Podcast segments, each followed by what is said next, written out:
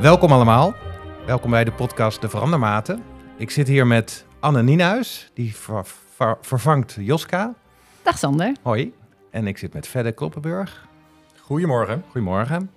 En we zitten met eh, onze gast Shirin Moerkerken. Goedemorgen. Goedemorgen.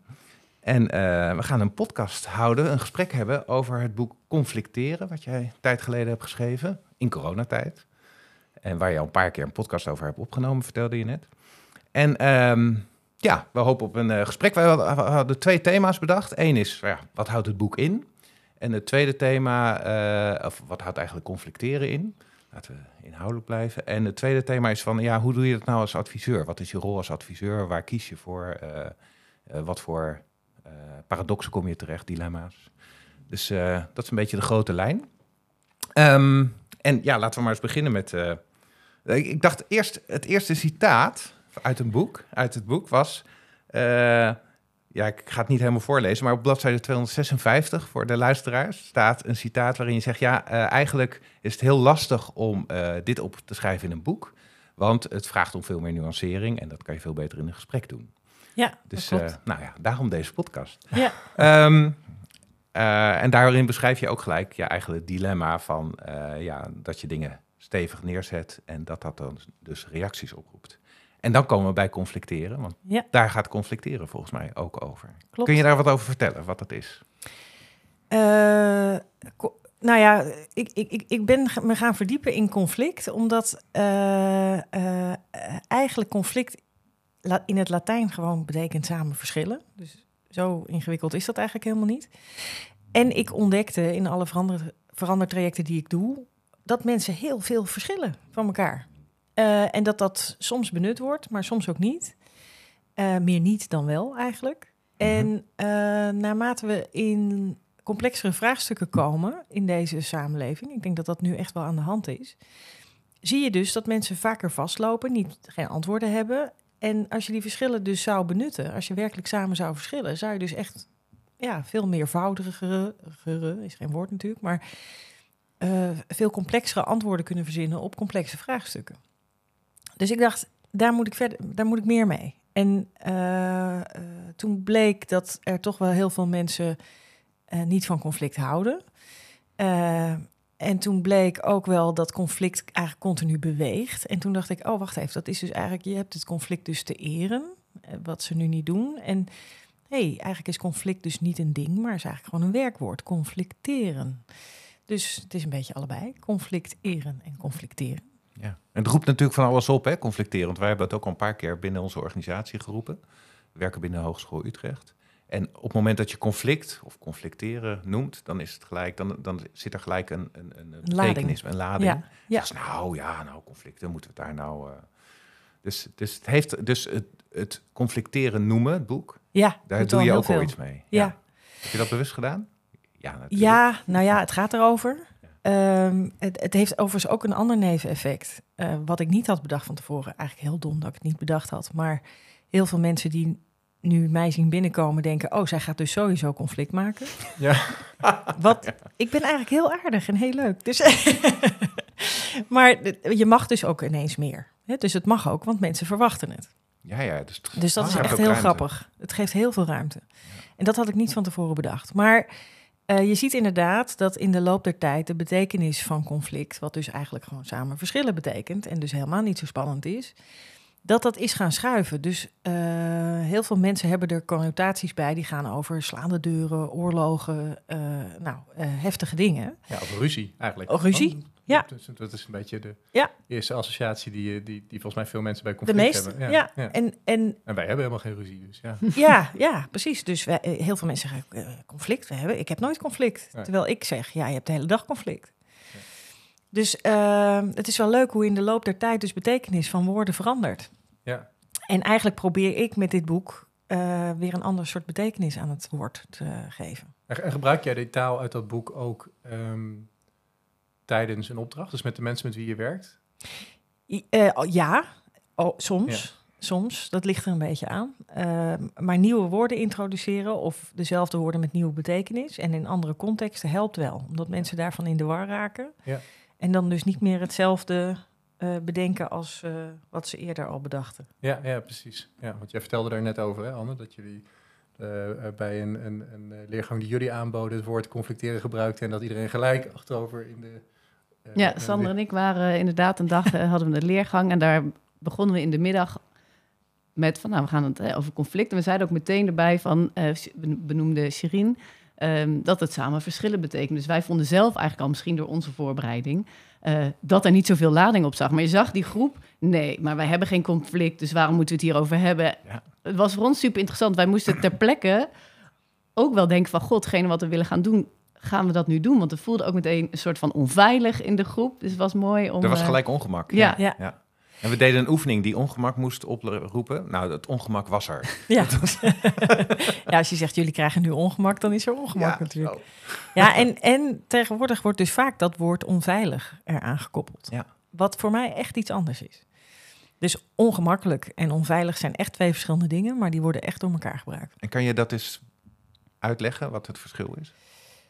Ehm, nou, onveilig eh, heeft natuurlijk heel veel verschillende betekenissen. Eh, hè, dus als ik roep, eh, ehm, goh, je bedoelt zoals in de oorlog of zo, hè, dan, Mhm. ja, dat bedoelen nu de meeste mensen niet. De meeste mensen bedoelen nu sociale onveiligheid. En ik denk dat je inderdaad in sommige contexten ongelooflijk mentaal beschadigd kan worden in sociale onveiligheid. Dat vraagt wel een soort van systematische aanpak. Dus als je iemand echt onveilig wil laten voelen, dan moet je iemand systematisch buitensluiten, systematisch over hem roddelen, systematisch pesten. En dan heb je, ja, heb je wel sociale onveiligheid. En vooral als je dan ook nog eens net doet alsof dat niet zo is, nou, dan, eh, dan eh, heb je een aardig effect, zullen we maar zeggen. Alleen heel veel mensen denken dat als er in één seconde al iets gebeurt waarin je ongemakkelijk bent, eh, dat dat al sociale onveiligheid is. En dat is natuurlijk niet zo. Ik bedoel, je hebt heel vaak situaties van ongemak, maar daar word je niet gelijk mentaal door beschadigd. Dit is waar de hele discussie in Nederland nu ook over gaat. Ja. Hè? Rond eh, de, de, de, hoe heet het? De wereld draait door en de Ja. voice en alles. De, alles wordt nu sociaal onveilig. Nou, en ik denk ook nog eens, wat veel mensen buitensluiten, als je het hebt over de wereld dra- draait door, is, is de, de interactiekant. Dus eh, er wordt vaak gepsychologiseerd, dus dan wordt er op één mens hè, Mhm. wordt er de, de zoeklicht geplaatst. Ja, eh, er is ook een mens die dat toestaat. Of sterker nog, er zijn een stuk of tien mensen of twintig mensen die eh, het gedrag van één persoon toestaan. Om allerlei redenen, hè? dat kunnen ook hele goede redenen zijn. Maar in die interactie ontstaat wat. En niet bij één mens. Maar het- ik vind het wel mooi dat verschil tussen ongemak en onveiligheid. Want ik denk binnen de hogeschool hoor je ook vaak: is het veilig genoeg? Is het onveilig als het over in onze eh innovatietrajecten? en ik vind het eigenlijk wel mooi dat je zegt van ongemak is echt wel iets anders. Het is, mensen vinden het niet prettig, maar het hoeft niet schadelijk te zijn. Dat vind ik voor nu eigenlijk al wel een mooie Ja. eye-opener, want daar kan je veel meer mee. Want Ja. ongemak, daar, kan je, daar kan je mee aan het werk of daar kan je iets mee doen. En als het niet schadelijk is, is het juist iets waar je misschien mee... eh, Mee ja, kunt mee- werken. Ja. Ja, zeker. Want in het ongemak, daar zit natuurlijk, eh, zitten de nieuwe antwoorden. Daar zit het zoeken. Eh, dus als je daar nooit komt, nou, dan weet je één ding zeker. Je zit nog steeds lekker comfortabel. En dan heb je dus nog steeds je oude antwoorden. Ja, want dat vind ik mooi wat je in het boek eh, ook aangeeft. Hè? Je hebt vaak die A, oplossing A, oplossing B. Dat is voor mij heel herkenbaar. Dat ja, mensen gaan elkaar overtuigen, gaan nog meer A roepen, nog meer B roepen, nog meer A roepen, nog meer B. Ja. Dus als je zegt, als je nou die verlangens meer gaat onderzoeken, ze hebben allebei een A, de A-kant en de B-kant eigen verlangens, kan je misschien wel tot die oplossing C komen. Ja, wat ik zie is dat mensen vaak blijven argumenteren op de oplossing. Ja. En eh, als je het werkelijk gaat uitzoeken. Nou ja, we hadden het even over die groep waarin eh, eh, de grote twijfel bestond eh, of iemand corona had of niet en of die mee mocht doen of niet. Dan zie je mensen dus een rondje doen en dan zegt de eerste, oh, ik vind het geen bezwaar hoor, kom er maar bij. En de tweede zegt, ja hoor, geen bezwaar, ik kom er wel bij. Eh, of hij mag er wel bij. En de derde zegt, nou, ik heb er toch wel bezwaar tegen. En dan gaan mensen argumenten voor en tegen geven. In plaats van dat iemand vraagt, waarom zeg je nu ja? Want je veronderstelt zomaar dat de ene ja de andere ja is. Maar dat is die helemaal niet. De, de ja's kunnen heel verschillend zijn. Bijvoorbeeld, nou, ik zeg nu dat is oké, want dan weet ik tenminste de volgende keer dat als ik een, een slecht verhaal heb, dat ik er ook mag bij, mag zijn. Dus dan krijg je een soort van non-interventieverdrag. Ik kom niet aan jou, jij komt niet aan mij. Maar het kan ook een ja zijn die gaat over, eh, ja, eh, ik, ik vind het principieel oké. Nou, dat zijn al hele verschillende ja's. En dat wordt vaak niet uitgezocht. Wordt alleen maar geargumenteerd. Met als risico dus dat je zegt... Er komt even een call binnen. Ja. Sorry. We gaan gewoon door. Nou ja, dus met het risico wat je zegt, dat je dus heel erg op de... Dat je dus nou, uiteindelijk heel snel wordt besloten... oké, dan ehm, mag hij niet komen, hij gaat weg. Terwijl er waren meerdere... Er was misschien een betere oplossing geweest... Ja. die je nu dus vergeet. Ja. En dat, De- en je krijgt geen zicht op, de, op, op die andere oplossingen als je dus niet het in gesprek, brengt, eh, in gesprek brengt en meervoudig gaat onderzoeken. Eh, want pas dan komen er ideeën die je zelf in je eentje nooit had kunnen bedenken. ja, mooi. Dus ik hou wel van ongemak, want dan gebeurt er tenminste wat. Ja, en absoluut. En ik denk wel dat het iets is wat je moet oefenen of Ja. moet leren. Want dat ongemak, ehm, nou, wij, wij hadden het er ook wel over. Het is, het is gewoon ongemakkelijk. Ja, En je moet eh, dus ook even erachter komen dat het, ehm, dat denk ik, als je het dus vaker doet, dat het je iets oplevert. Dus dat het ongemak je, je wel iets oplevert wat misschien leuk is. Of ik, hè, als ik jouw boek lees, dan denk ik ook, oh ja, het, het is ook wel interessant om het een keer te proberen. Want wat gebeurt er eigenlijk? En ja, ik word niet meteen psychologisch beschadigd als ik een keer dat Nee. ongemak opzoek. Maar je moet wel een, het is niet heel gewoon, of je, je moet wel even een, een drempeltje over. En als hopelijk dat je daarna iets ervan terugkrijgt, dat je ziet, oh ja, het, het levert me iets op, het Ja. geeft meer ruimte. Of nou het levert heel veel op zelfs. Ik, ik, ik denk, ehm, eh, het levert dus andere oplossingen op. Eh, maar het grappige is dat het bijvoorbeeld in relaties ook intimiteit oplevert. Eh, omdat ehm, je veel meer verkent en dus echt dingen begint te onderzoeken met elkaar. En dan krijg je dus gesprekken die je eerder ook niet hebt gehad. Dus in die zin levert het, eh, eh, nou ja, hele harde dingen op, maar ook hele zachte dingen. Hey, en en ehm, ik vind hem vaak ingewikkeld worden op het moment dat er macht bij komt kijken. En Ja. machtsuitoefening, zeg maar. Want dan is het moeilijk, het is soms moeilijk om, nou, ook, ook weer in, eh, in die onveiligheid, zeg maar, dan kom je een beetje daar, ga je daar naartoe. Op het moment dat er nou, geïnstitutionaliseerde macht of iemand heel juist vanuit zijn positie heel erg macht uitoefent, dan verdwijnt soms het gesprek. Of eh, ik heb wel eens meegemaakt met een directeur die zei van ja, het is allemaal leuk en aardig wat jullie zeggen, maar we doen het toch zo. Zonder verder argument. Het was echt puur een machtsbeslissing. Ja, Ja. Dan, dan val je stil. Zeg van, ja, Oké, eh, jij bent de baas. Eh, ik ben het er niet mee eens, maar jij bent wel de baas. Dus dit is het. Sprak je dat nog uit? Ja. Ja. Ehm, maar ik voelde me wel... En, en dat was eigenlijk... Ja, en kun je dan nog best- door, zeg Ja. maar. Dat was heel moeilijk. Ja, ik, ik ben opgeleid in dat socia- sociaal constructionisme. Ja. En ik ga er dus van uit dat dingen niet waar zijn. Hè? Of tenminste niet als enige waar waar zijn. Mhm. Dus ook macht is een construct. Ja. Dus ook macht is niet waar. En ook macht is beweeglijk. Dus ehm, natuurlijk heb je met elkaar in een organisatie afgesproken dat iemand de baas is. En heeft daarmee dus formele macht en mag een beslissing nemen. Dus ja, dat, dat hebben we met elkaar zo afgesproken. En als je dat niet bevalt, dan moet je zelf solliciteren op die baan. Hè? Mhm. Dat, tuurlijk, zo werkt hij. En tegelijkertijd ook niet. Eh, ik heb wel eens met iemand eh, in een, in een, eh, met een klant. Nou, die had zo'n situatie. En toen zei ik: Oké, maar wat als het nou eens je hele, hele knappe buurman was? Diezelfde persoon. Even contextverandering. Wat had je dan tegen hem gezegd? Nou, begon helemaal te blozen natuurlijk. Ehm, ja, jeetje. Ja, nee, die, daar praat ik heel anders mee. Oh, want ja, ja, verleiden is toch wel wat anders dan met je baas praten. Ja, kan. Maar hoeft natuurlijk niet. Ja. Dus stel je eens voor wat je dan allemaal wel niet had kunnen zeggen. Ja. nou, dan komen er hele andere opties. Hallo. Eh, maar alleen al die mind switch, zeg maar, maakte dat ze meerdere opties kreeg om dus met haar baas te praten. Want je kan dus ook zeggen, oké, tuurlijk is jouw beslissing, accepteer ik als waar, zet ik vast als waar. Kunnen we nu dan even doorpraten? Want de beslissing is genomen.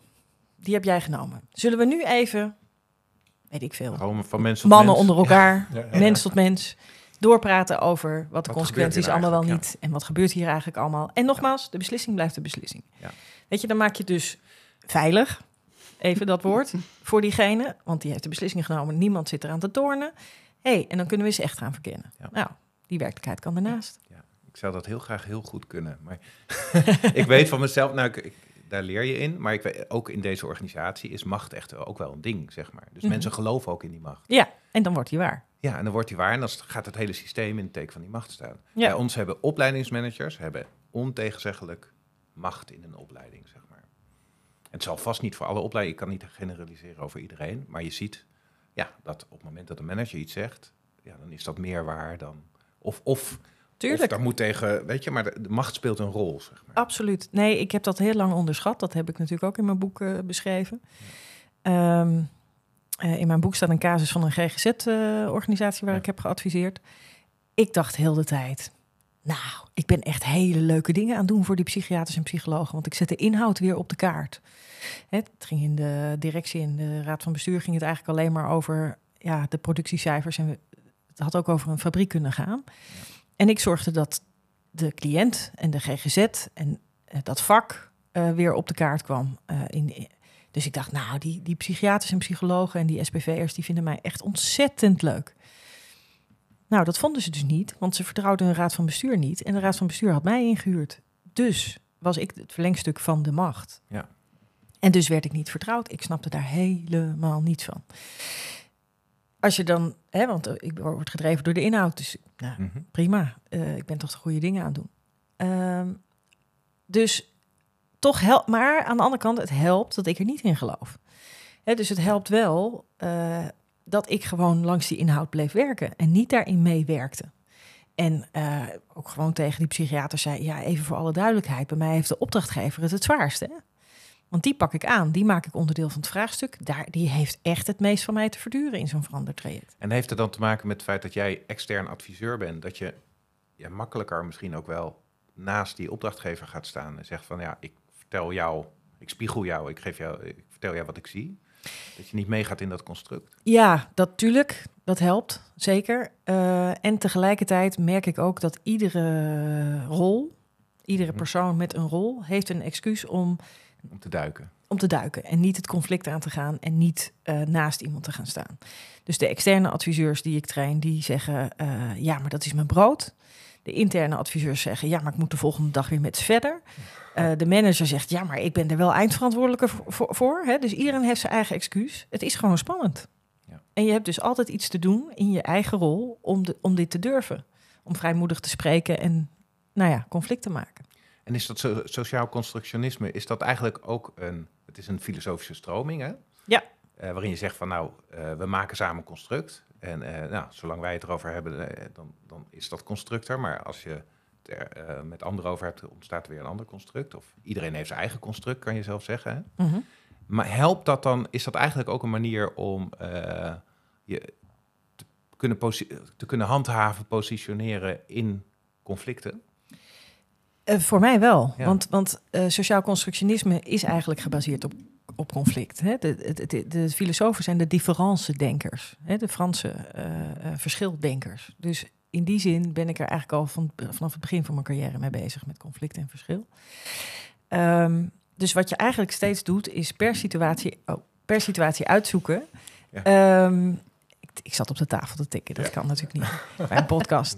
Ehm, is per situatie uit, uitkiezen, eh, uitzoeken. eh, hoe wordt hier weer werkelijkheid geproduceerd? Hoe wordt, hoe wordt hier, wat, wat, wat denken mensen hier eh, van, oh, dit is waar en dit is waar? En hoe doen ze dat precies?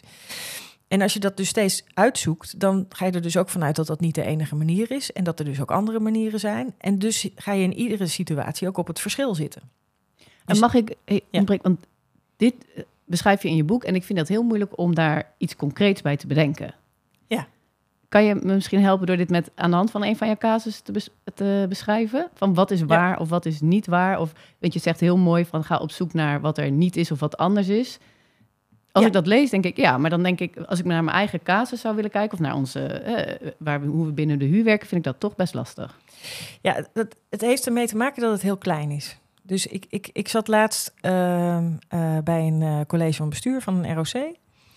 Eh, nou, we- hadden een tussengesprek. Hè. We waren al een tijdje dus een soort van hercontracteringsgesprek. En ehm, eh, wat, wat er gebeurde is dat de voorzitter van het college van bestuur... die ging vertellen hoe goed het allemaal ging. Dus die ging vertellen... ehm, nou, we zijn nu eh, lekker op streek en het college van bestuur doet het echt hartstikke goed. We zijn eh, goed aan het samenwerken. De Raad van Toezicht eh, ziet het ook helemaal zitten met ons. Ehm, nou, we hebben een echte stap met onze directeuren kunnen maken. En, nou, en zo bla bla bla bla, in wat er allemaal lukte. Terwijl dat gesprek ging over wat kunnen wij als adviseurs voor jullie betekenen. Nou, ja, hier ja, niks dus. Want het gaat hartstikke goed, zeg maar. Ja, als je alles kan en alles lukt en alles gaat goed. Ja, nou, prima. Je kunt dat accepteren en je kunt dus zeggen, nou, oké, prima, helemaal goed. En dan zeg je dus, nou, was, was hartstikke goed, fijn. Hebben wij dat allemaal voor elkaar gekregen? Nou, poeh, ah, schouderklopje hoor. Maar je kunt ook het verschil opzoeken. Je kan ook bedenken, goh, blijkbaar is het noodzakelijk dat hier nu een heel positief verhaal wordt verteld. Waar wordt het zoeklicht nu niet op gezet? Nou, op wat er niet lukt. Ik weet niet hoe het bij jullie is, maar ik rij echt drie keer in de week naar huis dat ik het echt niet weet. En echt denk, oh, eh, dit is wel een heel complex vraagstuk. Ik heb echt geen idee. Kwam niet op tafel. hey, het niet weten komt dus niet op tafel. Dat is interessant. Dus ik eens een vraag stellen. Goh, en is er ook iets wat je niet weet of wat niet lukt? En kwam er weer een positief antwoord. Dus uiteindelijk werkte dat dus niet. Hè? Dus verschil inzetten is ook steeds iets doen en dan kijken wat ermee gebeurt. En nou, dan, dat werkt dus niet, hè? Dus dan eh, en lukt er ook iets niet? Nou, ja, natuurlijk lukken er ook dingen niet, maar wat laatst zo goed ging. dadadadada. Het is Nou. mooi, mooi dat je dit vertelt, want zo hebben we jou ook, eh, of ik in ieder geval, ehm, eh, voor het eerst ontmoet. Want dat was bij, dat, dat, dat, dat vertelde Sander net niet, maar we hebben jou voor het eerst gezien in Burgersoe in Arnhem. Oh ja, ja, Bij zo'n congres.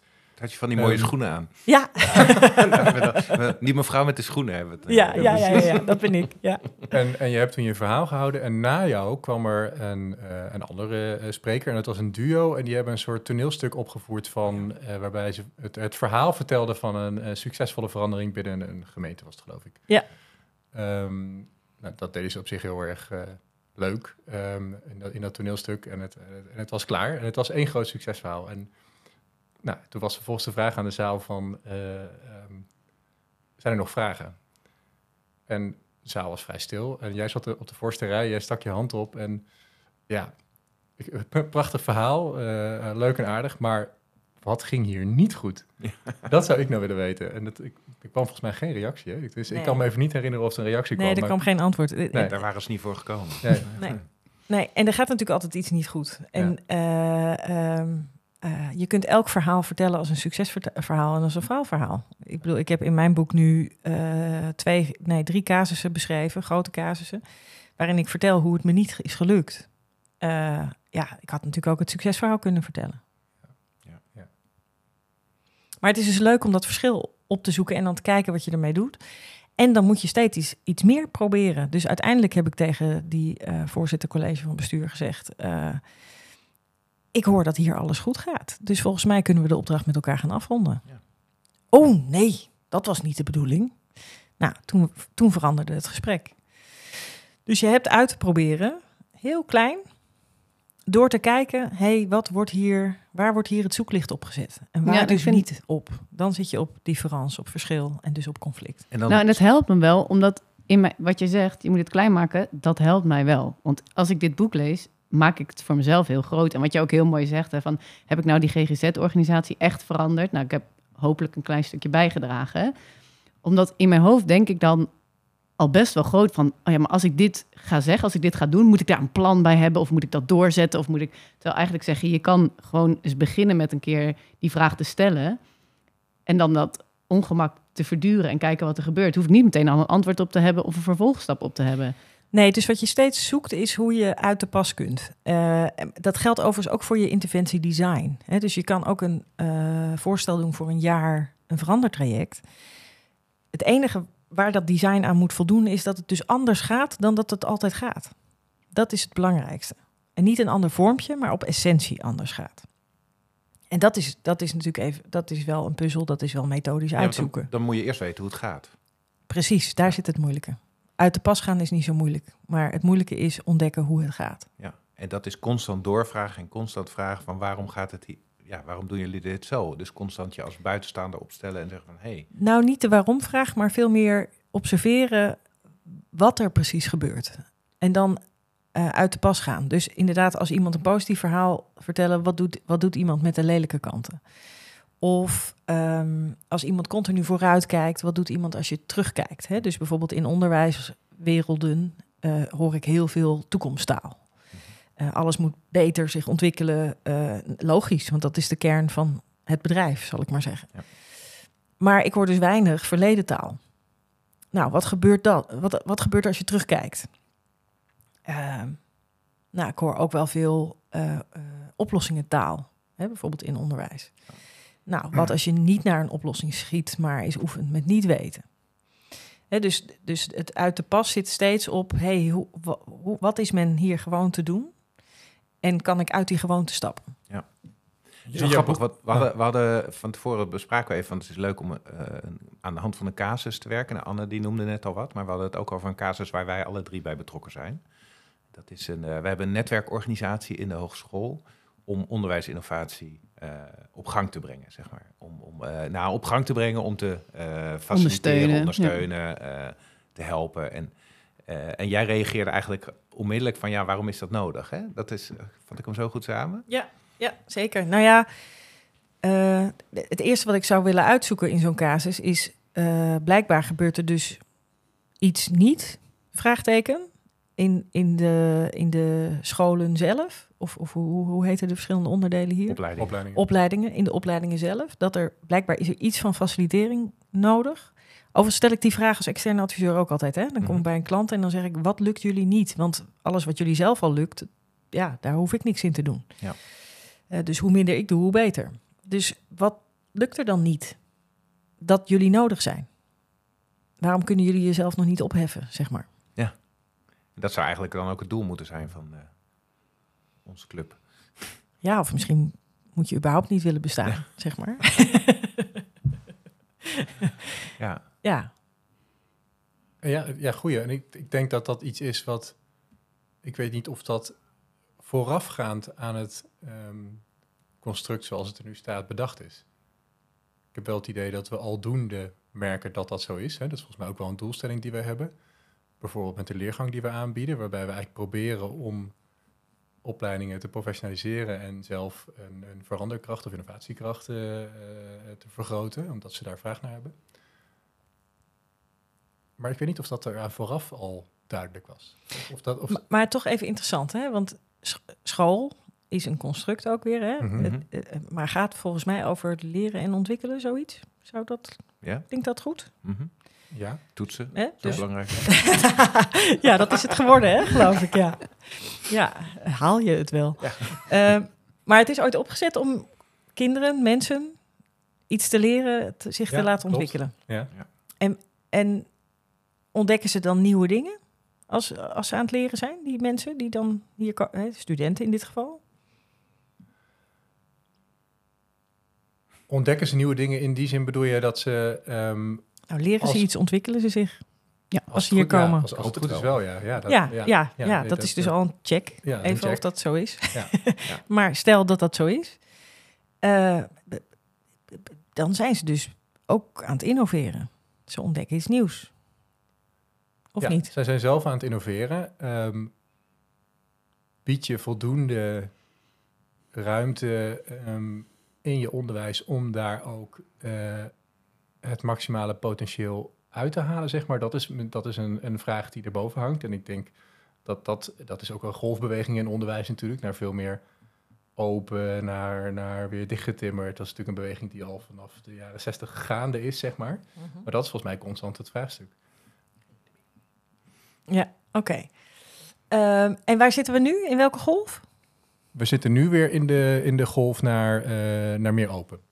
Oké. Dus weer, eh, denk ik, ehm, maar ik ben benieuwd hoe jullie dat zien, maar naar meer, ehm, eh, nou ja, we noemen het nu sociaal-constructivistisch leren. Hè? Dus samen het gesprek voeren over het leerproces in plaats van het eh, toetsen. Ja, de Die regie bij de- de student. Ja, precies, regie bij de student. Dat is nu de, nu de beweging. Dus het moet allemaal weer losgefrikt worden.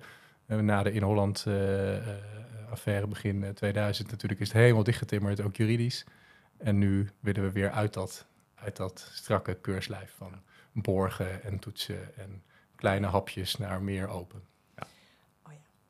En zou je kunnen zeggen dat de, de mensen die nu het onderwijs vormgeven... al wel een beetje gewend zijn geraakt aan dat eh, strakke keurslijf enzovoort? ja. Ja, zeker, zeker. Ja, ja en daar, daar zit natuurlijk ook absoluut dat, eh, die spanning die je net noemde van het eh, wel of niet terugkijken. Dat, dat zie je letterlijk binnen de docententeams eh, eh, zie je dat ontstaan. Dus je ziet de groep voorlopers die helemaal overtuigd zijn van die nieuwe manier. En je ziet de groep die het in de afgelopen jaren gedaan hebben op die oude manier. En die dat ook heel prettig vinden. En wat Die- is er zo prettig aan? Ehm, nou, dat ehm, eh, is vaak comfortabeler. En dat, dat is nou eigenlijk misschien een beetje degradatie van wat, ze, van wat ze belangrijk vinden. Kijk, het zijn vakdocenten vaak, hè? Dus die dus gewoon graag hun vak willen doseren. Ehm, en dat komt het meest puur naar voren, denk ik, op het moment dat je daar frontaal over eh, vertelt. Dus je, je, geeft college, eh, je geeft opdrachten, je voert met de studenten het gesprek over de opdrachten waar jij de expert in bent. En ehm, de beweging nu is meer richting het, het, eh, het coachende van, dus de studenten zelf dat de, regie laten geven in het leerproces. En dat is natuurlijk iets wat, ja, wat die mensen aan het hart gaat, omdat ze iets minder hun ei kwijt kunnen voor wat betreft dat vakdocentschap. Minder de overdracht. Ja, minder overdracht. Dus dat en, en, maar daar zitten ook ontzettend belangrijke, eh, ja, wat mij betreft, eh, waarden achter die eh, nou ja, ook weer heel erg grote rol kunnen spelen in het, het goed vormgeven van het onderwijs van de toekomst. Dus Ja. Maar nou pak je alleen ja. de inhoudelijke dimensie, hè? want het gaat ook heel vaak over de manier waarop zo'n verandering wordt aangepakt. over machtsstructuren, over mensen die posities pakken. al, alles speelt ook een rol daarin. Dus je ziet ook heel wisselend in hoeverre die beweging in een opleiding eh, makkelijker of minder makkelijk gaat. Nee, maar als de gewoonte inmiddels control is, hè, dan zal je dat ook in de taal terugvinden Ja. of in de manieren van doen. Hè, dus dan eh, draag je iets over en dan toets je of het overgedragen is, bijvoorbeeld. Ik roep maar even wat. Eh, dus dan is het heel logisch dat dat is wat het is nu. En dan is het heel logisch dat ze ook jullie vragen om mee te helpen innoveren. Want dat is dan wat ze überhaupt niet goed lukt. Ja. Ook zelf dus niet. In het onderwijs zelf niet. Klopt. Of hebben ze een andere definitie van innoveren? Dat is ook nog een interessante. Nou, er is altijd discussie over innoveren. Want er wordt altijd gezegd, ja, ik wil wel verbeteren, maar ik wil niet innoveren. En want, wat is dan het verschil? Want we moeten het goede behouden. Ah ja, ja, je kunt iets verliezen. Ja. Ja. Ja. Het Ja. gaat altijd over verlies, volgens Ja. mij. Of altijd, maar... Nou ja, ik vind het dus interessant in dit soort bewegingen. eh, eh, heel veel mensen beginnen niet met de vragen: wat zullen we behouden? Eh, En wat jij nu doet, is, is precies Ja. wat je net vertelde. Ja. Even de Ja. andere kant Ja. pakken. En, eh, ja. Dus als ik een clubje innovatie zou zijn, zou ik daarmee beginnen. Wat, wat wil je in ieder geval behouden? Wat mag niet verloren gaan? Want dan hebben mensen een zekerheid die, die er ook mag blijven. En dan ben je ook meer genegen om te gaan bewegen op iets anders. Maar daar heb je wel zo'n clubje innovatie dan. Ja, ja, Voor ja. nodig. Dus in de- dat, dat jullie bestaan vind ik heel logisch klinken in dit tijdsgevricht. Dan nog steeds is de vraag wat jullie daarmee doen. ja, het is heel interessant. Ik, Nou, dus- dit podcast. ik, Gideons ik, Bende probeer, ik probeer dit zelf ehm, eh, als, als burgerleider van dit soort processen vaak te doen. Dus door eh, de gesprekken te voeren juist met, met die oude garde, zeg maar. Hè, om, het even, om het even om zo'n soort naam te geven. Ehm, en te kijken van, god, wat zit er nou voor een, eh, voor een waarde achter? Ehm, maar op het moment dat je dan het gesprek voert met de mensen die vooruitlopen, de onderwijskundigen, de mensen die de, de, de, de innovatieve gedachten voorstaan, dan krijg je ook al snel de reactie van ja, maar als je het op die manier doet, dan is het eigenlijk geen echte innovatie. Dus dat is, ik, Ja, en dan nog, denk ik soms van, hey, faal ik dan als burgerleider? Hè, door er een soort, ik, mijn idee is dan altijd een beetje van, nou, volgens mij moet je tot een soort eh, ehm, slap aftreksel van het ideaalbeeld komen, waarin vervolgens ook de mensen die eh, nog wat ouderwetser denken zich in herkennen, zeg maar. Dan ben ik geslaagd. Maar ja, dan, dan is, het niet, is het niet innovatief. Nee, en hier zit, klinken twee veronderstellingen in door. Eén, dat er twee groepen zijn. Hm. Ja. Namelijk de ouderwetse en de vooruitlopende, zullen we maar zeggen. Mhm, mhm. Die twee groepen bestaan natuurlijk helemaal niet. Dat zijn 28 groepen. Ja. Eh, dus daar zou ik al meer de variëteit op zoeken. Hoe, hoe innovatief zijn de ouderwetse? Ja. Namelijk enorm, Ja. op een bepaald niveau. Ehm, en er zit de veronderstelling in dat je er alleen uitkomt als je het eens wordt. En dat is zo grappig, want hoe zou je besluitvorming eruit zien als je het oneens bent? En dat dat ook mag blijven. Hè, mensen zeggen altijd tegen mij... Ja, maar, ja, maar, ja, misschien uiteindelijk moeten we toch een besluit nemen. Jazeker. Dan kun je toch nog steeds er verschillend over denken. Ja, Dan- anders, Ja. Want als je dus hetzelfde over moet gaan denken... krijg je slappe aftreksels. Dat klopt. Ja, dat En daar heb je niks aan. waar Nee. niemand, eh, Nee, tevreden waar mee niemand is. tevreden mee is. Dus ik heb heel vaak dat ik, als ik bijvoorbeeld met mensen werk, hè, met een team werk, dan, dan laat ik ze bijvoorbeeld in subgroepen dingen uitzoeken. Dan hebben ze drietallen en dan maken ze zo'n flap met, nou, dit, eh, dit vinden wij belangrijk. En de neiging is dan heel vaak om dus dan vervolgens een soort van slap aftreksel van die, drie, van die, van die verschillende flipovers te maken. Oh ja, die herken ik zeker. Dat Ja. wij ook. Ja. En ik roep dan, nee, dit zijn, die drietallen hebben dit bedacht. Als jullie nou eens gaan leven langs wat jullie hebben bedacht met z'n drieën.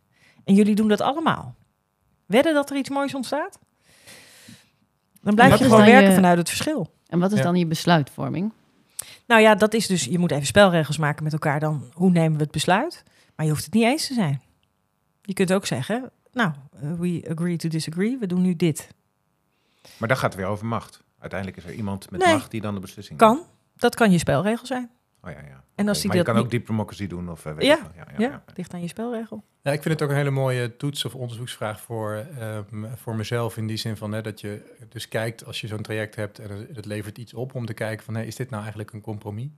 Of is dit iets waarin eh, beide werkelijkheden bestaan? Ik kan er nu niet zo een antwoord Meestal op is het een compromis hoor. Ja. Want ik denk dat wij heel Ja. weinig repertoire hebben om dus werkelijkheden naast elkaar te laten bestaan. Ja. Omdat wat je dan moet doen, is dat dus een tijdje verduren. Eh, de, de, het ongemak wat daarbij ontstaat, moet je verduren. En verduren. En verduren. En verduren. Zodat de noodzaak om dus iets anders te bedenken aanwezig blijft. En dat trekken mensen vaak niet. Dus gaan ze Ja. maar snel naar het compromis of naar de macht. Ja, ja, ja. Hè, waar, waar de ene werkelijkheid het wint van de andere werkelijkheid. Eh, terwijl als je dus een tijdje verduurt dat je het met elkaar niet weet, omdat je het echt niet eens bent, blijft de noodzaak Ja. om naar een oplossing te zoeken die je nog niet had bedacht, blijft bestaan. En dat is de kunst. Ja, mooi. En, Ja. en daar hebben we heel weinig repertoire Ja, en voor. ik denk dat dat een hele interessante ook is voor ons. Ja. Eh, Nou, ik moet gelijk denken aan het ontwikkelgericht versus ontwerpgericht. Wij zijn erg van het ontwikkelgerichte ontwerpen, zeg maar. Eh, dan ga je eigenlijk, dan, als je niet uitkijkt, kom je dan heel snel bij een compromis terecht. Nee, ik hoor ook vaak in onderwijsorganisaties, ja, maar ik ben helemaal niet betrokken. Ja. En ik denk dan, nee, klopt. Jij was in dit proces ook helemaal niet interessant. Weet je, dus, maar dat zegt nooit iemand. Weet je, dus iedereen moet meedoen en allemaal Mhm. met z'n allen. En why? Echt? Nou, ja, dan ga ik toch even... Ja. Ehm, Dit doet Sherin Sherin bewust, hè? want weet wat er Ja. nog niet gezegd is hier aan tafel. Dat is wel wat wij doen met z'n allen. Ja, nou, maar daar zit een redenatie achter. Dat is dat eh, anders dan in heel veel commerciële organisaties is niet bij onderwijs is niet de, ehm, de, de, de manager of de, de, de, eh, eh, de ondernemer is de eigenaar van het eindproduct. Maar dat ben je met z'n allen. Je bent met z'n allen. Ja, maar wat is met z'n allen? hè? Dat is de hele samenleving, hè? Dus- nee, nee, met, met, de, met, de, met de opleiding, zeg maar. Dus, dus iedereen heeft daar een rol in en, en, en, en maakt deel uit van die opleiding. En samen geef je die opleiding voor met je studenten. Dus daar is het idee achter van, ja, eh, als je wil dat mensen meedoen... en ook echt volgens het idee wat, eh, eh, ja, waar, je, waar je met z'n allen achter staat... dan krijg je beter onderwijs. Ja, het is een grappig idee. Nou, wat, wat nee, wa- waarom ik het een grappig idee vind, is als ik, als ik nu gewoon kijk naar hoe er onderwijs wordt gegeven aan mijn kinderen. Hè? Eh, dat, dat wordt gedaan door docenten die op een PABO zijn opgeleid. Mhm. Nou, ik weet niet of ze daar het beste geleerd hebben gekregen hoor. Dus ehm, Anne? Ik zwijg. Nee. nee, dus waarom is het, is het echt zo dat als iedereen die in die opleiding zit, Nou, ik zie juist eh, bij opleidingen waar eh, niet wordt samengewerkt, dat er eh, op zo'n zo'n zo'n zo'n grote leraaropleiding of PABO, of, daar, daar werken heel veel mensen. Hè? Dat is echt, en die hebben allemaal hun eigen ideeën, want onderwijs zit vol met mensen met ideeën. Ik kan me voorstellen dat, dat dat juist eigenlijk uiteindelijk een veel slechtere opleiding geeft. Dat studenten constant laveren tussen allerlei idee, dat, de, dat de samenhang tussen wat, wat ze geleerd wordt, dat, dat daar heel weinig van overblijft. Op het moment dat Ja. al die mensen... Maar ik ben sociaal constructionist, hè? dus eh, eh, samenhang. eh, ik denk, er bestaan heel veel werkelijkheden naast elkaar. Eh, eh, samenhang is een illusie dat je een soort van het geheel kunt omvatten. Ja, ach, ik, ik ben benieuwd wat er gebeurt. Hè? Als ik nou les krijg van een hele, in jullie hè, eh, definitie, traditionele docent, die Mhm. dus echt zendt, zendt, zendt, alle kennis zendt. En het volgende uur eh, les krijg van een docent die me helemaal coacht en mezelf laat ontdekken. En, eh, en dan het volgende uur weer iemand die echt in de ervaringsleren zit. En we gaan ergens een, de stad in en we, we proberen dingen uit. En het volgende uur. Ik weet niet, leer ik dan minder? Ontwikkel ik dan minder? I, I don't know. Nee, ik moet denken aan de school waar mijn zoon op zat. Daar was het altijd chaos. Ja, niemand heeft er beter leren plannen dan mijn zoon op die school. Dus dat, daar, daar wijs je eigenlijk een beetje Maar naar. ik vind dit wel interessant, want wij denken wel degelijk bij de Pabo is een mooi voorbeeld dat je het nu noemt. Ik denk wel dat wij nu denken, als in de voorlopers of hè, het clubje wat bezig is met eh, onderwijsontwikkeling, dat je beter leert wanneer er meer, hè, dat je als student weet van nou vandaag gaan we het hè, over dit onderwerp hebben en alles valt daar wel mooi onder. In plaats van dus wat je zegt, ieder uur hebben een ander vak waarbij we het op een andere manier leren. Dan denken wij dat de student daar minder van leert. Of in ieder geval heel onrustig van wordt. Het kan ook, hè? Kan. Eh, eh, ik denk dat het wel handig is als een student weet op essentie waar hij mee bezig is. Eh, dat hij leert anderen te leren. Dat zou wel fijn zijn. En ik denk dat veel mensen dat ook zijn vergeten op een gegeven moment. Hè? Die leren de trucjes, eh, maar die leren niet de essentie van hun vakmanschap. Maar dan is dat eigenlijk waar je wel in ieder geval gesprek over wil. Constant dat je samen op zoek gaat naar een gezamenlijk concept, construct. eh, wat de essentie is van datgene wat je studenten wil leren of leerlingen wil leren. Eh, nou ja, als je maar bewust bent dat je op essentie bezig bent met een ander te leren leren. Volgens mij is dat genoeg. Wa- want dat is dus uitzoeken. Dat is per keer, per vakgebied lijkt me dat anders. Dus ik denk dat eh, automonteur leren worden weer iets anders vraagt dan docent op een basisschool leren worden. Ja. Als op een, weet ik veel, eh, verpleegkundige opleiding docent leren worden. Maar dat is wel een gesprek waar iedereen bij betrokken ehm, eh, zou moeten zijn, denk ik. Hè? Even, even Ja, maar op- dat blijft bij iedereen. Want ik denk dan, ja, daar zou ik dus de huidige organisaties, die dus steeds die studenten krijgen, bij willen betrekken. Maar Ja. die zitten dus niet in deze school. Zou- Nee, nee, die, dus die- dat is ja. wel iedereen. Ja. Ja. precies. Nee, klopt. Breder dan alleen de docenten. Ja. Want- nou, sterker nog, er zijn docenten die wil je er niet over laten meedenken. Nou, wat, we, wat, wat een van de leidende gedachten is van het, van het, van het proefschrift van, eh, eh, van, van die collega van ons, net, die zei van ja, ehm, die docenten hebben zeg maar de, de macht van ehm, de deur van het klaslokaal.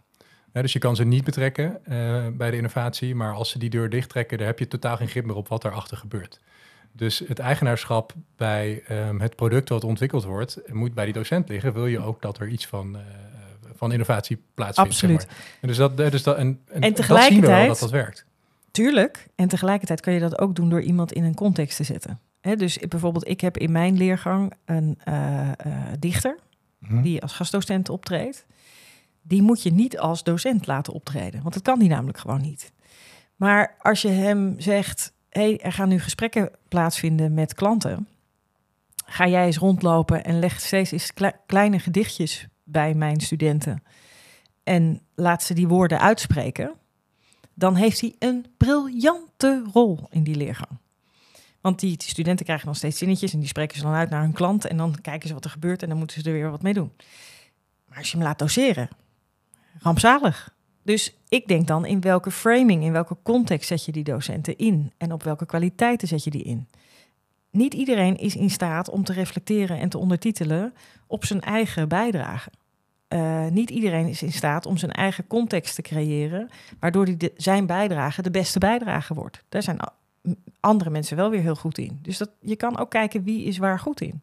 Ja, dus dat is een soort pleidooi voor het, het behoud van authenticiteit of zo van, van de actoren die je in dat, in, in dat Nou, meer een pleidooi voor blijven eh, kijken naar wat werkt. Want eh, ik, ik hoor ook in deze taal een soort van ideologie erachter zitten. Hm. En voor je het weet krijg je scholenstrijd. En dat zie ik in veel scholen. Ehm, en ehm, eh, volgens mij moet het niet gaan over ideologie en over scholenstrijd. Volgens mij moet het gaan over een omgeving creëren waarin mensen kunnen leren en ontwikkelen. Ja. Dus ik weet niet, jullie zullen gelijk hebben. En ook niet. Hè? Dus, maar dat zal per keer verschillen dus. En dat is conflicteren. Ja. Ja, Nee, even, want we gaan naar een afronding toe. Ehm, ja, eigenlijk wat we nu beschrijven is, is constant het, het onderliggende wat, eh, waar je conflicteren weer gebruikt om het, om het bloot te leggen. Hè? Dus waar je, en eh, eh, jij zegt dat doe je door elke keer de andere mogelijkheid op te zoeken of, of de, de tegenmogelijkheid te benoemen. Of, of, ehm, ehm, ja, even naar, naar ons, naar, ter afsluiting. Zijn er dingen, eh dus verder, Anne en ik, zijn er dingen die, die na dit gesprek dat je denkt van, oh, dit neem ik mee naar mijn volgende klus of vanmiddag als ik de MT eh, aan de slag ga? Of, eh, kun je iets noemen? Ja, nou, ik, ik, heb nog, ja, ik heb eigenlijk nog wel één vraag. Mag Oh, ja. nog? ja. Ja, één vraag. Oké, één vraag. Ehm, eh, dat gaat even over, ik, nou, in jouw boek ehm, ehm, neem je een aantal brieven op die je stuurt aan, aan de mensen met wie je werkt. En dat, je zegt het ook in jouw inleiding van, nou, ik zeg wat ik denk en jouw taalgebruik in die, in die brief is ontzettend direct.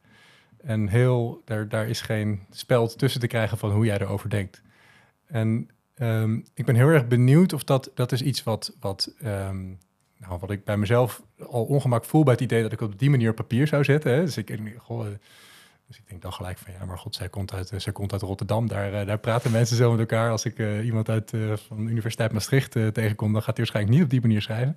Ehm, is, is dat iets van, van jou? Want je, moet dat ook kunnen en durven om op die manier. Is dat wat jou betreft een belangrijk onderdeel van, van deze aanpak? Ehm, ja, ja. snap Nee, een beetje. vraag. Ja. Nou, het is ingebed in iets anders. Het is namelijk ingebed in een continu uitzoeken. Hè, dus wat mensen, hoe mensen mij zien handelen, is continu uitzoeken. En steeds weer nog een nieuwe mogelijkheid en nog een nieuwe mogelijkheid. En dan is de afwisseling met stelligheid, die ik dan toevallig in die brieven introduceer, eh, is dus heel goed mogelijk. Als ik alleen maar die brieven zou schrijven, zou dat niet werken. Want sterker nog, dan zouden ze namelijk denken dat wat ik zo stellig in die brieven schrijf, dat dat altijd waar is. En voor mij is dat in dat moment, in die context, in die interactie waar. Maar niet voor altijd. En we kunnen het erover hebben en dan wordt het ook weer anders. Het zijn statements om dus ja, beweging te forceren, zal ik maar even Ja, zeggen. helder. Dus interventies op zich. Het zijn Ja. interventies op zich. Eh, kijk, wat ik merk in mijn. Als ik, ik, ik, heb, ik geef dus een opleiding. En wat ik merk is. Sommige mensen kunnen al heel goed uitzoeken. Alleen kunnen hun oordeelsvermogen niet zo goed inzetten om stellig te zijn. Hè, dat is eigenlijk wat jij nu Ja. zegt: van hoe lukt dat me zou me Ja. dat lukken? Nou, dan, dan heb je dat te leren, want dat uitzoeken, dat kan je al. Maar er zijn ook mensen andersom, en ik behoorde tot die categorie, die best heel stellig kunnen praten, omdat Ja. het oordeelsvermogen goed ontwikkeld is, maar nog niet zo goed konden uitzoeken. En dat heb ik de afgelopen twintig jaar echt moeten leren. En je hebt uiteindelijk de mix nodig. Je moet op momenten stellig kunnen zijn, waarheden kunnen poneren, grenzen kunnen zetten, sturen en eh, tegelijkertijd dat gelijk weer ter discussie te eh, zetten. Hè? Dus Ja. dat is ook conflicterend in zichzelf. Eh, weten dat wat je poneert zo stellig absoluut niet waar is. Ja. Dingen heel belangrijk maken en totaal onbelangrijk vinden. Tegelijkertijd. En, en, en in die stelligheid, zoek, zoek je daar bewust een, een, een stukje provocatie in, in, in op? We hebben, we hebben vorige keer met, met Ina Ahuis gesproken. Zij bepleit waarachtigheid hè, in, in de manier van omgaan met elkaar. Is dit wat jou betreft ook waarachtigheid of ga je nog, nog iets verder? Nou ja, het is eh, vrijmoedig spreken. Hè? Het is, dit is wat ik hier zie. En niemand spreekt dat uit. Ja. Dus ik nu wel. Ja. En dat is dus heel waarachtig, zeg Ja, maar. ja. Ehm, Ja, maar je bent wel wat stelliger dan dat. ja, dit is wat ik zie. Ja. Ja. En hoe bedoel je nog stellen? Nou, je, je, je kan op verschillende manieren, eh, in verschillende ehm, eh, vormen, kan je iets benoemen, zeg maar. Jij kiest wel de prikkelende vorm in die brief in ieder geval. Ja, dat klopt. Dat is ook zo. Ehm, ja, en eigenlijk zijn dat alle de stellingen die ik in die brieven doe, dat zijn dus alle dingen die niet uitgesproken mogen worden. Hè? En alles waar je niet aan mag komen. Daar kies ik altijd de, de stellige en provocerende manier. En Om- is dat om iets op te roepen bij de, de mensen om wie dat gaat? Dat Nou, omdat mensen duizend technieken hebben om zo'n stelling weer onder tafel Ja, te krijgen. Ja, ja, precies. En dan heb ik waarschijnlijk in de weg daar naartoe al 500 manieren geprobeerd. En is het steeds onder tafel verdwenen. En dan zet ik het zo zwart-wit in een brief dat niemand er meer omheen kan. Ja, ja, ja, ja. En sterker nog, dat is heel leuk, die casussen en combinaties van verschillende opdrachten hè, in, de, in de echte wereld. Maar bijvoorbeeld in die veiligheidsregio zit er dominant wel een van de paar veiligheidsregio's waar ik voor geadviseerd heb, zit daar wel in terug. En die mensen die daar zelf werken herkennen best wel dat het ook over hun veiligheidsregio gaat. Een van de directeuren heeft daar gewoon gekozen om mijn boek als interventie te gebruiken. Hm. Dus die, eh, toen ik weg, ik was al lang weg, eh, maar er was met mijn vertrek weer heel veel onder tafel verdwenen. En die heeft dat boek gewoon eh, die organisatie ingegooid en gezegd: Kijk, ja, het staat zelfs opgeschreven. Dit gaat over Ja. ons. Dit gaat over ons. Dus we moeten hier Ja. echt mee aan de slag. En Ja. ja, hè, alles wat geschreven staat, wordt waar.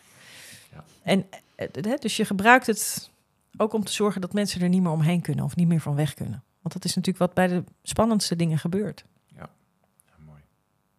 Nou, verder, wat neem jij mee dan? Hoe Ja, nou, ik, vind, ik vind het laatste punt mooi. Ik, ik, ik, ik had daarvoor ook nog wel iets in mijn hoofd, maar dat ben ik nu alweer kwijt door dit, eh, door dit thema. Maar ik, ehm, eh, ik hoor je enerzijds zeggen van dat het onlosmakelijk met elkaar verbonden is. Dus ja, je kan, je kan stellig zijn als je goed onderzocht hebt. En eh, eh, als je goed onderzoekt, dan heb je vervolgens een bepaalde stelligheid nodig eigenlijk om dat aan het voetlicht te brengen.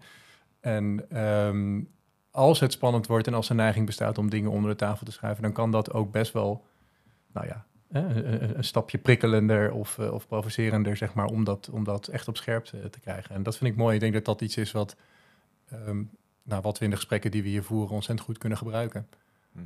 En geeft ook een opdracht mee hè, voor wat betreft het onderzoekende. Want dat is natuurlijk wel iets wat ik van mezelf ken. Ik, bedoel, ik kan ehm, eh, in sommige situaties best stellig zijn eh, zonder dat ik me misschien daar onvoldoende op... eh, nou ja, onvoldoende onderzocht heb. Dus mooi. Ja, en het is ook erna onderzoeken dus. Hè? Ja. Dus zodra je stellig hebt geponeerd, gelijk weer weten. Ja, en dit is natuurlijk ook niet waar. Ja, Ja, ja, ja, en dus gelijk weer gaan onderzoeken. Ja, precies. Ja. pleit en onderzoeken. Ja. Anne? Ja, nou, ik ne- neem veel meer. Ja, nee, ja, moet ik die. Nou ja, als je, de vraag was volgens mij ook echt van... wat neem je nou bijvoorbeeld vanmiddag mee of, Mhm. of deze week mee? Ja, vind ik het wel, ook waar we eigenlijk een beetje mee begonnen... van dat ongemak en onveilig, dat dat echt wel een verschil is volgens mij mooi. Want dat geeft wat meer, wat meer eh, houvast om eens een keer dat ongemak op te gaan zoeken. En volgens mij is dat ook voor als je luistert als projectleider of manager of wat dan ook... Dit boek is zo groot, je kan niet in één keer het helemaal anders doen... maar het heel klein te maken, er toch de volgende keer eens te proberen... om te benoemen wat er niet is of wat er niet mag zijn. Ja, dat zou ik wel, eh, hoop ik dat ik mee kan nemen komende week om dat eens te benoemen. En, en dan maar gewoon eens te kijken wat er gebeurt en in die ongemak te ervaren. Het lijkt me Ja. hartstikke leuk. en spannend. Ja, wat dat betreft zit het ventiel in het boek, zit wat mij betreft ook een stukje over het handelen. Dus je, Ja. als je dat hele boek leest, zoveel dingetje in waarvan je denkt, hier moet ik iets mee. En dan denk je, ja, maar goed, je moet gewoon gaan handelen. En Daar, Nee, komt de, on- daar komt de ontspanning voor mij. Heel veel sociaal constructionisten eh, reflecteren. En dat is uitstel van handelen. Ja. Eh, reflecteren is niks mis mee. Maar, maar sociaal constructionistisch interveneren is handelen. Uit de pas. Doen, niet praten erover. Nou, en wat ik wel ook geruststellend vind, is dat het sociaal constructionisme op zich helpt mij om eh, mezelf anders te positioneren in het hele spel, zeg maar. Dus dat neem ik mee. Ik denk van, oh ja, het is allemaal maar een construct. Jij hebt een construct, ik heb een construct, die zijn anders. Oké, dat is zo, laten we dat eens onderzoeken. En dat geeft mij ruimte om eh, het conflict aan te gaan, zeg maar, het co- conflict te onthullen. Ja, dan wordt het ook niet zo erg, hè? Ja, Dan is het precies. je ik heb nodig dat het een beetje genormaliseerd wordt om het eh, aan te durven, denk ik. Dus daar helpt dit mee. Dankjewel. Mooi. Ja, neem jij zelf nog iets mee uit dit gesprek? Eh, hoe lastig het inderdaad is om in drie kwartier de, de, de essentie te pakken. Hè? Ja. Dat is iedere keer weer, er zitten zoveel facetten aan. Ja, we kunnen echt nog uren doorpraten. Oh, heerlijk. Nou, wie weet gaan we dat nog een keer doen. En volgens mij is het wel goed naar voren gekomen. Hè? Want we hebben Ja. de vraag, leg het boek eens even uit in ene linie. Die hebben we niet gesteld. Nee. Dat is ook Eh, niet te doen nee, trouwens. precies, niet te doen. Maar volgens mij, eh, nou ja. Oké, dank jullie wel. Tot de volgende keer. Tot de volgende keer.